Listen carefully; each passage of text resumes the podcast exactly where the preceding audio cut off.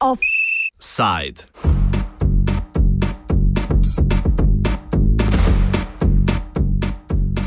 Po zidu meje.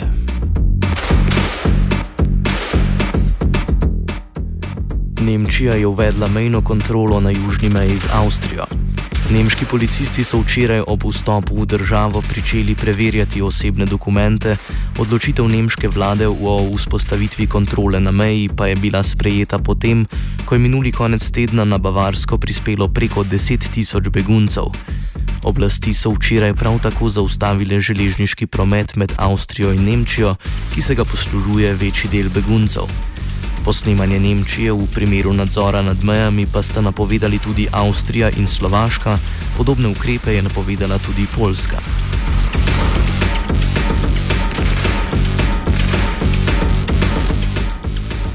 Države šengenskega režima lahko policijsko kontrolo uvedejo v dveh primerih, katerih pojasni Aleksandros Statopoulos, član nemške organizacije Pro Azil. Basically, there are two different ways that you can reintroduce um, um, border controls within Schengen. Um, it's one, the paragraph 23, which goes over the EU Commission. In this case, if there is basically a European crisis, a member state would need to contact the Commission and other European institutions to basically have the European level call for an emergency and then they can reintroduce border checks. What is happening in Germany right now is that Germany unilaterally has basically reintroduced border controls, and this can, from our perspective, we don't have a uh, official statement on this yet, but from how we see it, this can only happen under paragraph 25, which uh, allows a member state to basically reintroduce border controls if there is a severe threat to public security or public order. Nemške oblasti uradnega pojasnila ob uvedbi mejne kontrole niso podale. Kljub temu pa v organizaciji ProAzil predvidevajo, da je bil ukrep sprejet na podlagi omenjenega 25. člena šengenskega sporazuma. Sklicevanje naslednjega je po mnenju sogovornika nezakonito, saj begunsko vprašanje ne ogroža javne varnosti, ukrep pa je bil po njegovem sprejet z namenom ustvarjanja pritiska na druge države. The interior minister he has already said that this basic he has made it quite clear that this is a signal to other European member states, and uh, we interpret this as basically a move to put pressure on other European member states, and basically refugees and protection seekers are being used to pressure other countries in the moment, and this is very much to the disadvantage of refugees and protection seekers, who will now basically be forced on longer and more dangerous routes? Kakšna je trenutna situacija na nemški meji z Avstrijo? What we are hearing is that basically there are checks of vehicles, of cars, uh, which have led to um, some traffic jams, some rather big traffic jams as well, and also trains are being checked for example, in uh, the town of Freilassing, which also has um, led to, uh, how do you say, to delays in the train schedules because basically uh, German police officers are walking through the trains asking people to show their passports. And um, the first thing we heard today, what's happening is that if um, Syrians, for example, can show a Syrian passport, they are still allowed to travel on. We don't know how it is about people who don't have passports or who don't have Syrian passports. These are details that we are basically still waiting to see how is that going to be handled. Sistem unovične kontrole na meji, ki naj, ukolikor je vzpostavljen po merilih omenjenega 25. člena, ne bi trajal več kot 10 dni. Omogoča tudi uveljavljanje strožje azilske in migracijske politike po mnenju pro-azila. From uh, our perspective, maybe the more important political goal is a European political goal, as I said in the beginning, to basically introduce more pressure on other European member states. But uh, it's like killing two birds with a stone. At the same time, the um, interior minister, who has always taken a rather hard stance on asylum and um, and migration in general, he can basically tend to the more anti um, anti-immigration calls that have stemmed also from the Christian social, social Union. This is a very very dangerous path that uh, the European Union and the European member states are on right now, putting up one border after the other. And it's basically the contrary of what the whole idea of Europe was about in the beginning. O mejah, ki so po mnenju Statopulosa problematične, saj rušijo temeljne evropske vrednote, spregovori tudi Mojca Pajnik, raziskovalka migracij na Mirovnem inštitutu.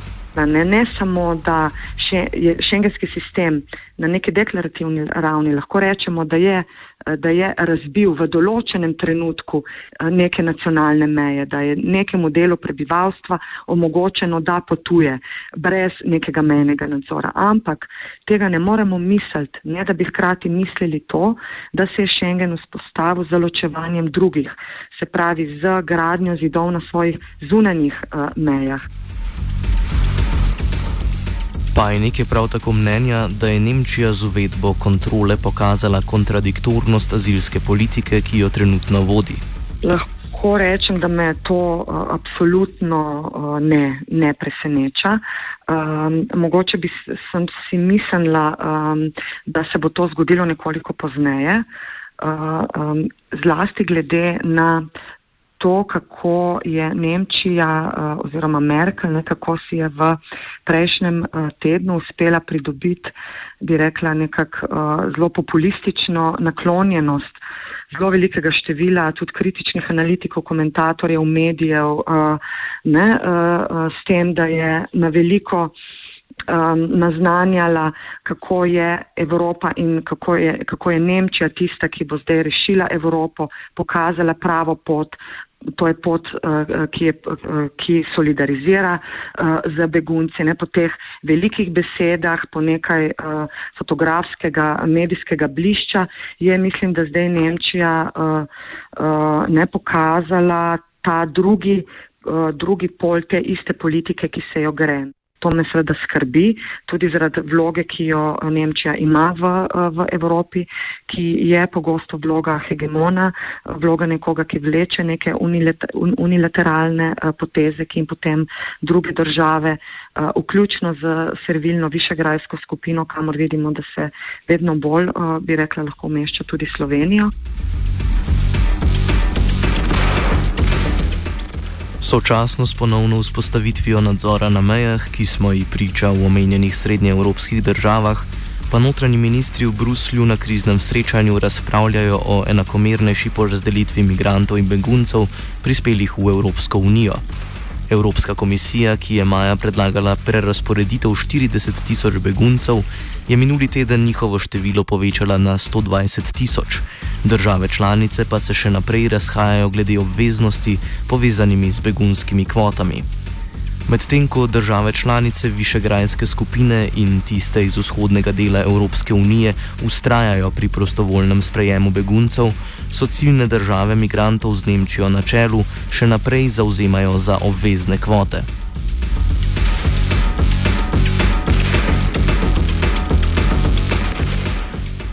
Da pa bi kvotni sistem, predmet današnje razprave notranjih ministrov, utegnil predstavljati rešitev begunske problematike, so pri proazilumu skeptični. Statopulos.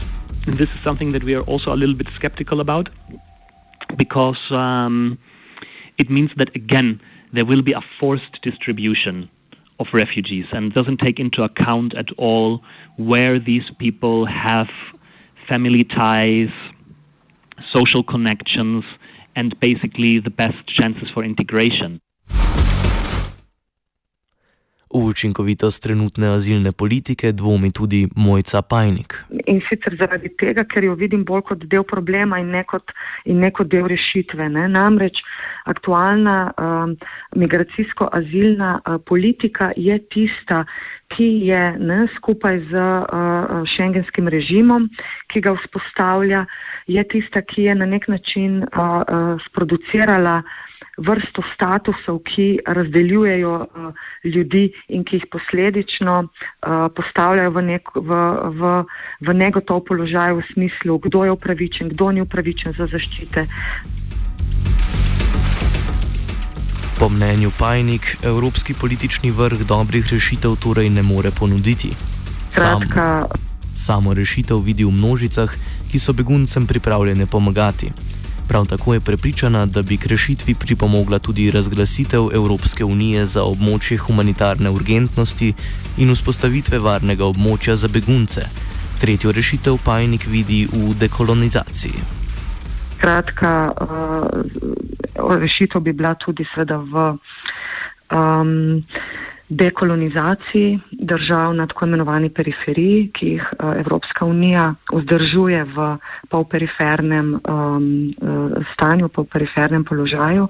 In tukaj mislim tako na države, ki so že članice Evropske unije uh, in so na njenem jugu, Eh, zlasti eh, Grčija, Italija, eh, mislim na članice, ki se pridružujejo nekatere države Balkana, kot naprimer Srbija in Makedonija in seveda mislim tudi na afriške države, kjer Evropska unija ne za svojimi strateško-varnostnimi partnerstvi v zadnjih 15 letih, vsaj od 11. septembra, od napadov 2001, predvsem deluje na način ekonomskega izčrpavanja in pa preprečevanja migracij v teh državah. Potrebna je torej radikalna redefinicija trenutne evropske azilne politike. Uh, skratka, rešitev je treba iskati čez, uh, bi rekel, obstoječo uh, migracijsko in azilno politiko v njeni uh, radikalni redefiniciji, uh, redefiniciji, ki bi šla v smeri uh, skupaj z neko, nekim revolucioniranjem, uh, kot sem prej omenila, uh, evropske ideje, prihodnosti Evrop, Evrope. In azilna in migracijska politika je seveda del, del te, mo, je, je del in bi morala biti uh, del te širše, uh, širše zgodbe. In ta širša zgodba pa bi mogla iti v smeri. Uh, um, bi rekla, neke popolne demokratizacije evropskih institucij. Treba je, je torej spremeniti um, institucije v smislu demokratiziranja teh uh, institucij in z njimi posledično tudi migracijske politike v smeri, da bodo to institucije od ljudi, za ljudi, za vse, za vse ljudi ne, um, uh, in, uh, in ne, da bodo to institucije za elite. Offside je pripravila vajenka Katja.